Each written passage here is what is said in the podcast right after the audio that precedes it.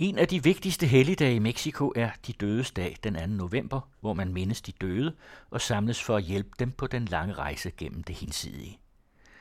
Det er ikke kun sorgens dag, for man er sammen om at være sammen med de afdøde. De senere års blodige udvikling med den såkaldte narkokrig har givet de dødes dag en ny betydning.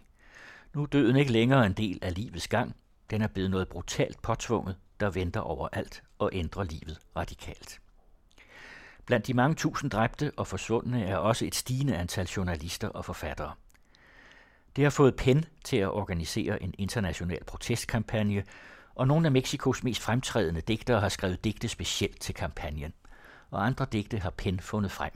Jens Lohmann præsenterer digterne og digtene.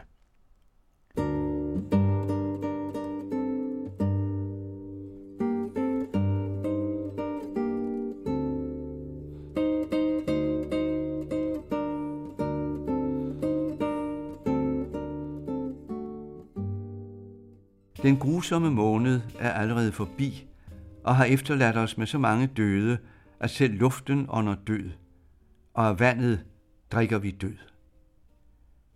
Jeg klarer ikke såret af så meget død. Mexico kan ikke være så manges kirkegård.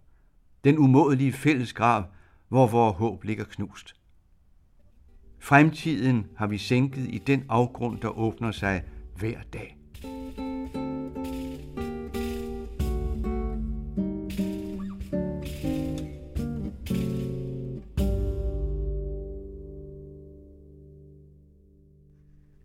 Mexikanernes tilværelse har gradvist forandret sig de senere år. Især siden præsident Felipe Calderón ved sin tiltrædelse i december 2006 erklærede narkokartellerne krig og satte store militærstyrker ind for at knække de stadig stærkere kriminelle organisationer. Præsidenten lovede, at kartellerne ville være knækket i løbet af et par år, og volden mindskede betragteligt. Det er gået lige modsat. Siden december 2006 har mellem 40 og 50.000 mennesker mistet livet som følge af konflikten og den voksne lovløshed i stadig større dele af landet. I 2006 var konflikterne mellem de stridende karteller i det store hele begrænset til det nordlige og dele af det vestlige Mexico. I dag har den bredt sig længere sydpå. Det er dog stadig i nord og vest volden og de grusomme drab er mest udbredt. Torturerede, bagbundne lig bliver ikke længere kun fundet i vejkanter og på lossepladser. De bliver smidt af uden for skoler og politistationer, på fortorv og pladser. Afhuggede hoveder bliver anbragt, så de hurtigt kan blive fundet. Voldsomme ildkampe mellem rivaliserende grupper, skudepisoder, er blevet en del af levevilkårene for beboerne i mange byer langs grænsen til USA og i det nordlige og vestlige Mexico. Denne gru, som mexikanerne i voksende omfang lever under, har fået mange til at reagere. En af de kendteste er digteren José Emilio Pacheco, der blandt andet har skrevet tre digte til en global protestkampagne, som forfatterorganisationen PEN har lanceret mod de fortsatte mord på forfattere og journalister. Siden præsident Calderón erklærede kartellerne krig, er 35 journalister og forfattere myrdet, og 8 er blevet forsvundet. Efterforskningen er stærkt mangelfuld, hvis den overhovedet finder sted. Det samme gælder retsforfølgelsen. Pacheco ser meget sort på forholdene. Det afspejler sig i det indledende digt, De dødes alder, og endnu mere i digtet Børnenes time, hvor han giver et billede af, hvad elendigheden og volden kan føre med sig. Børnene handlede med en ny rotteart, med ringe som hummer og farvet magenta og himmelblå. Med en mærkelig smag i begyndelsen, men da sulten ikke lyver, vendede vi os til at tilberede dem i ovnen. Da man er det, man spiser, blev vi på mindre end et år ligesom dem. Først de små vagtsomme øjne, hårene og halen, snart efter tænderne som borespidser, kløerne som bensave. Er der grund til at sige, at hvad det angår, havde de ikke meget at lære os. Nu er de børn, der levede af rotterne, blevet mænd. De handler som legemordere for en usynlig magt, og lidt efter lidt, nat efter nat, udrydder de os med skud.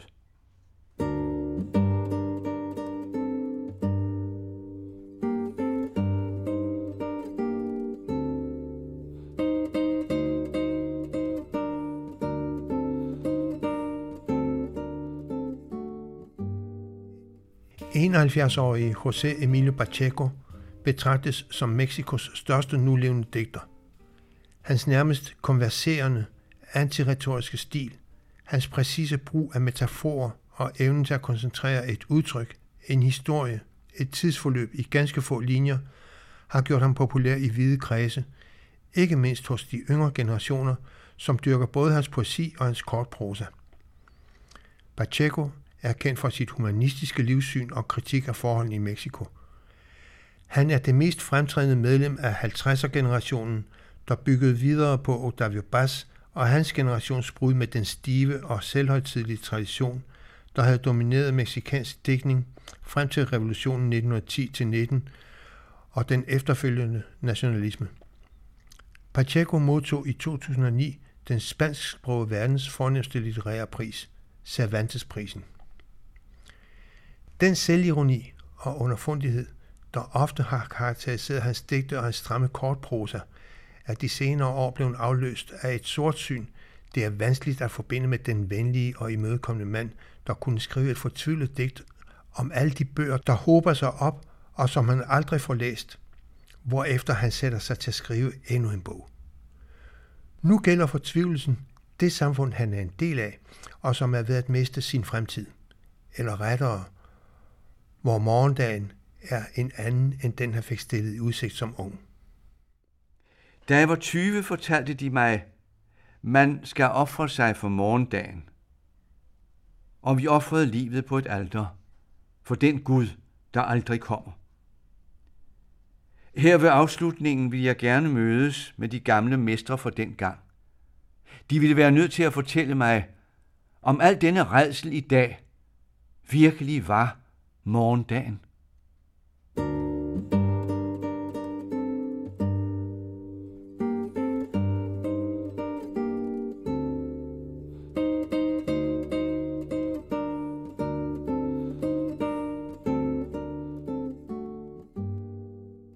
Men fortiden var nu også grum, minder en anden af Mexikos store, nulevende digtere os om. Homero Aridis går langt tilbage, til de guder, der herskede i Mexico, før spanierne ankom med deres ene gud og en hær af helgener og underlagde sig landet med brutal vold. Volden i Mexico begyndte med guderne, hedder det ene af de to digte, han skrev til Pens kampagne. Volden i Mexico begyndte med guderne. Før der kom byer og templer, huggede man allerede lemmer og hoveder af andre, flåede man allerede huden af andre under morgenens ritualer. Painal, hvor herre Huitzilopochtlis legemorder steg allerede ned fra bjergene med et dampende hjerte i hænderne. Homero Aridis blev født i 1940 i en afsides småby i et naturskønt område som søn af en græsk indvandrer og en meksikansk mor. Han er kendt som en flittig digter, forfatter, formidler af udenlandsk poesi. Han bragte blandt andet Ivan Malinowski til Mexico i 1981. Og miljøaktivist. Hans poesi har udviklet sig fra at være domineret af metaforer, blandt andet under indflydelse af Octavio Paz, til en større enkelhed. Han er optaget af de førspanske kulturer og naturen, hvilket de seneste 20 år har præget hans dækning – han henter blandt andet inspiration i indianske folks sange og ritualer. Om naturen siger han, Økologi er poesi. Natur og poesi er tæt forbundne. Jeg forsvarer vandet, jorden, træerne, dyrelivet ved at gøre dem til centrale temaer i mine digte. Aridis er også stærkt påvirket af den vold og voldsmentalitet, der synes at have slået dybe rødder i mexikanerne – det afspejles i digtet Vi er børn af grumme guder, der stiller en sort fremtid i udsigt. Vi er børn af grumme guder. Synet af deres sammenstyrtede pyramider hjælper intet. Endnu er blodet på trinene ikke slettet. Endnu kvæler deres hænder vores drømme. Deres billede står hugget i disse sten. Deres genfærd går gennem vores byer. Bag mareridtet står deres legemordere på lur med sorte dolke. Om de så forlader landet, rejser andre steder hen, vil vi der afle dem. De vil der dukke frem af vort indre med vores træk. Grusomme og skånselsløse. Vore børn er grumme guder.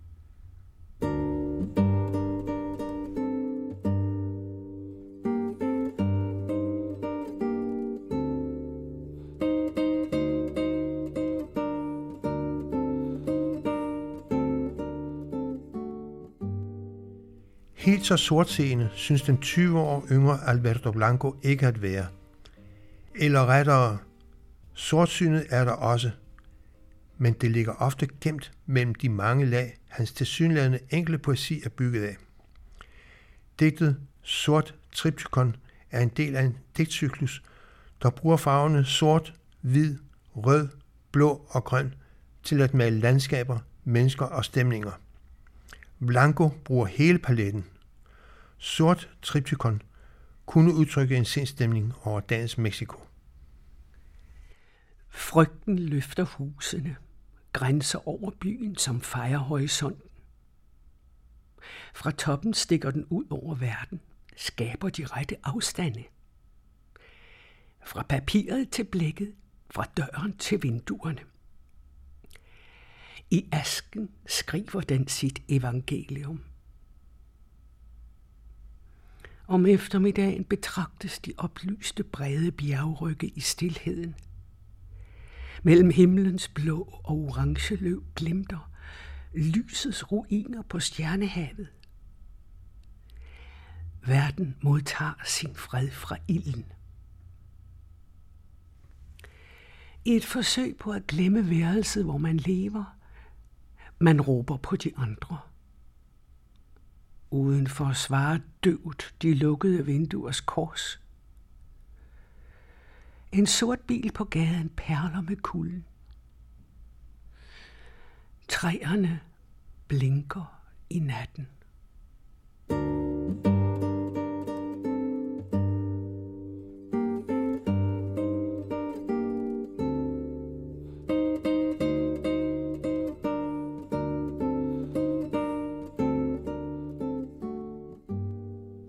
Alberto Blanco er en kosmopolitisk og grænseoverskridende digter, essayist, oversætter, billedkunstner, og musiker.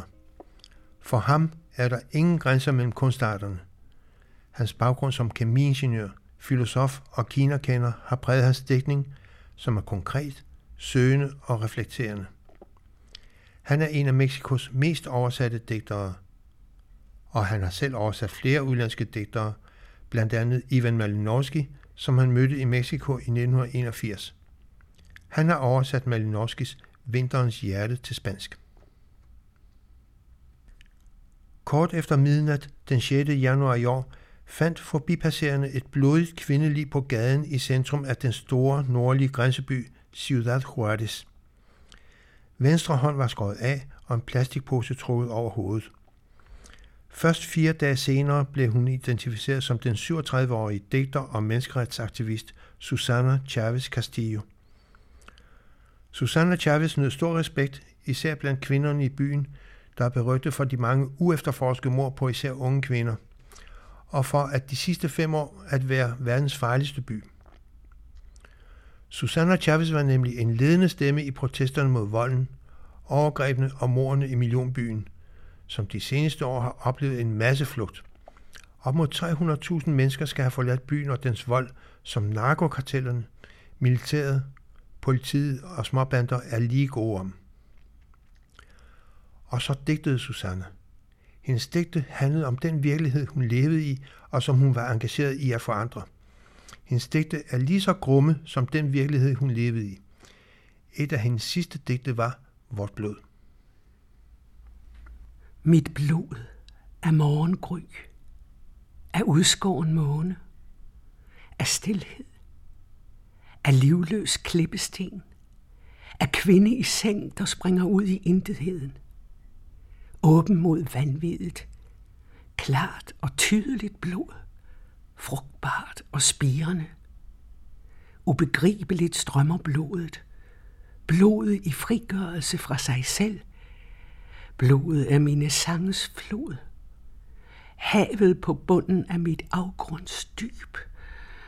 Blod Øjeblikket, hvor jeg fødes i smerte, næret af min sidste tilstedeværelse.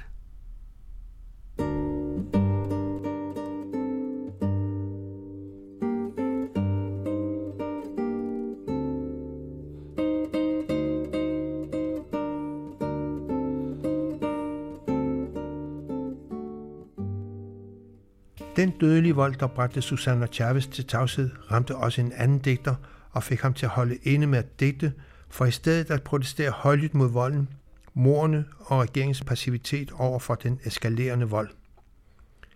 Det var digteren Javier Sicilia, der i fortvivlelse og vrede over mordet på sin 24-årige søn i marts i år, træffede den svære beslutning at holde op med at digte. Han læste sit sidste digt ved en stor protestdemonstration den 2. april i byen Cuernavaca, hvor sønnen Juanelo blev myrdet sammen med seks kammerater. Verden fortjener ikke længere ord. Det er slukket i vort indre, ligesom du blev kvalt og flænget dine lunger. Sorgen viger ikke fra mig. Nu er der kun en verden i de retfærdiges tavshed, i din tavshed og min tavshed, Juanelo. Efter at have læst digtet, sagde Javier Sicilia, Verden er ikke længere værdig til ordet. Dette er mit sidste digt. Jeg kan ikke digte mere. Poesien findes ikke længere i mig. Siden er Javier Sicilia blevet en populær skikkelse som leder af fredsmarscher over store dele af landet, også i nogle af de byer, der hårdest ramt af volden. Digteren er blevet fredsaktivist.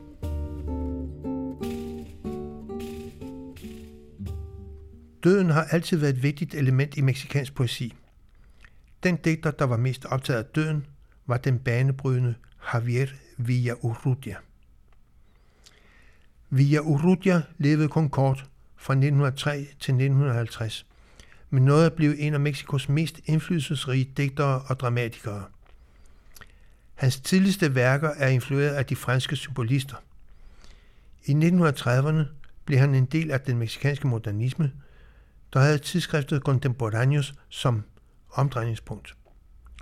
Gruppens universalisme og afstandtagen fra den nye nationalisme efter revolutionen 1910-19 blev af venstre nationalistiske kunstnere som Diego Rivera nærmest betragtet som landsforræderi. Efterhånden holdt døden sit indtog i hans digte og korte enagtere. Døden blev hovedtemaet i hans værk. Via Urutias optagethed af døden kan dels komme af den rige folketradition for at de døde, være sammen med de døde på de døde dag den 2. november, dels af den gamle voldstradition, der har rødder i såvel de gamle meksikanske kulturer og den europæiske middelalderkult af døden, som spanierne bragte med sig, da de erobrede Mexico med blodig grusomhed. Det kan være svært i dagens Mexico med dets massakre og daglige mor at fatte, at nogen ligefrem kan længes efter døden. Eller måske er det forståeligt, hvis man kan få en fredelig død, og ikke en grusom og pinefuld død, som den op mod 50.000 mexikanere har fået de sidste næsten fem år. Mange deler i hvert fald via Urrutias optagethed af døden. En af hans mest læste digtsamlinger hedder Nostalgia de la Muerte, længsel efter døden fra 1938, hvorfra dette digt Natligt skrig stammer. Er den min, den skygge der, som går rundt helt uden krop? Er den min, den fortabte stemme, som sætter gaden i brand? Hos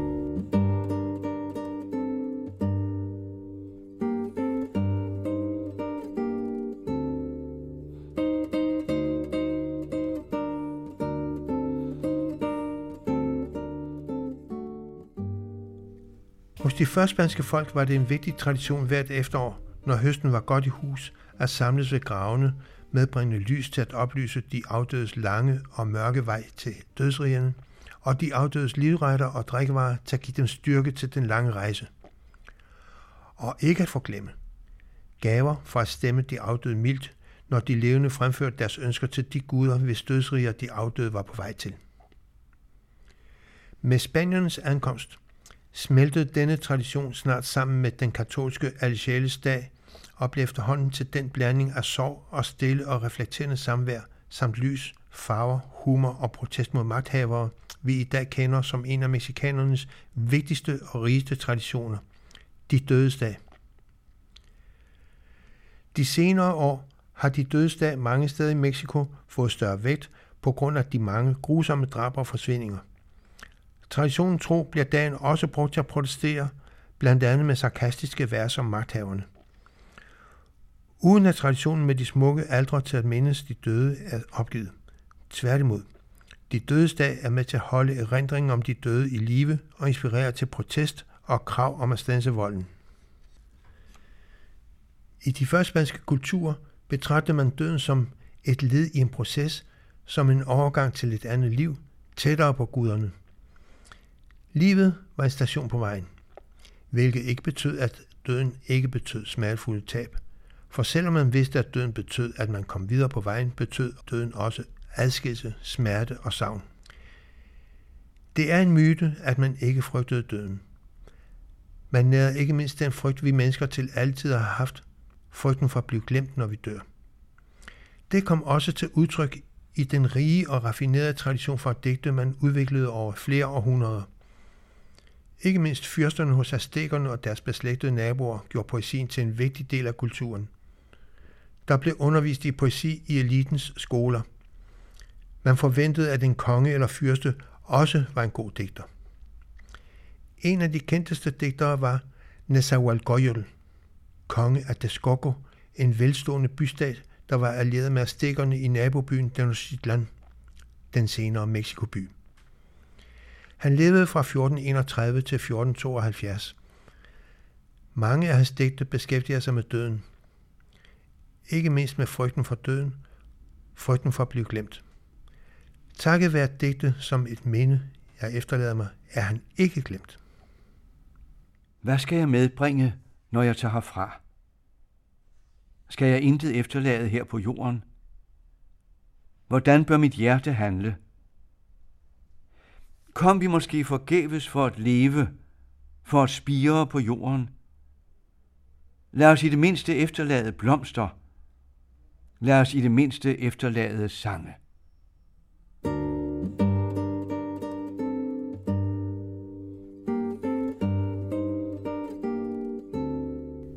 Digtene er oversat af Ingrid Agostoni, Thomas Boberg, Iben Hasselbalg, Jens Lohmann og Morten Søndergaard.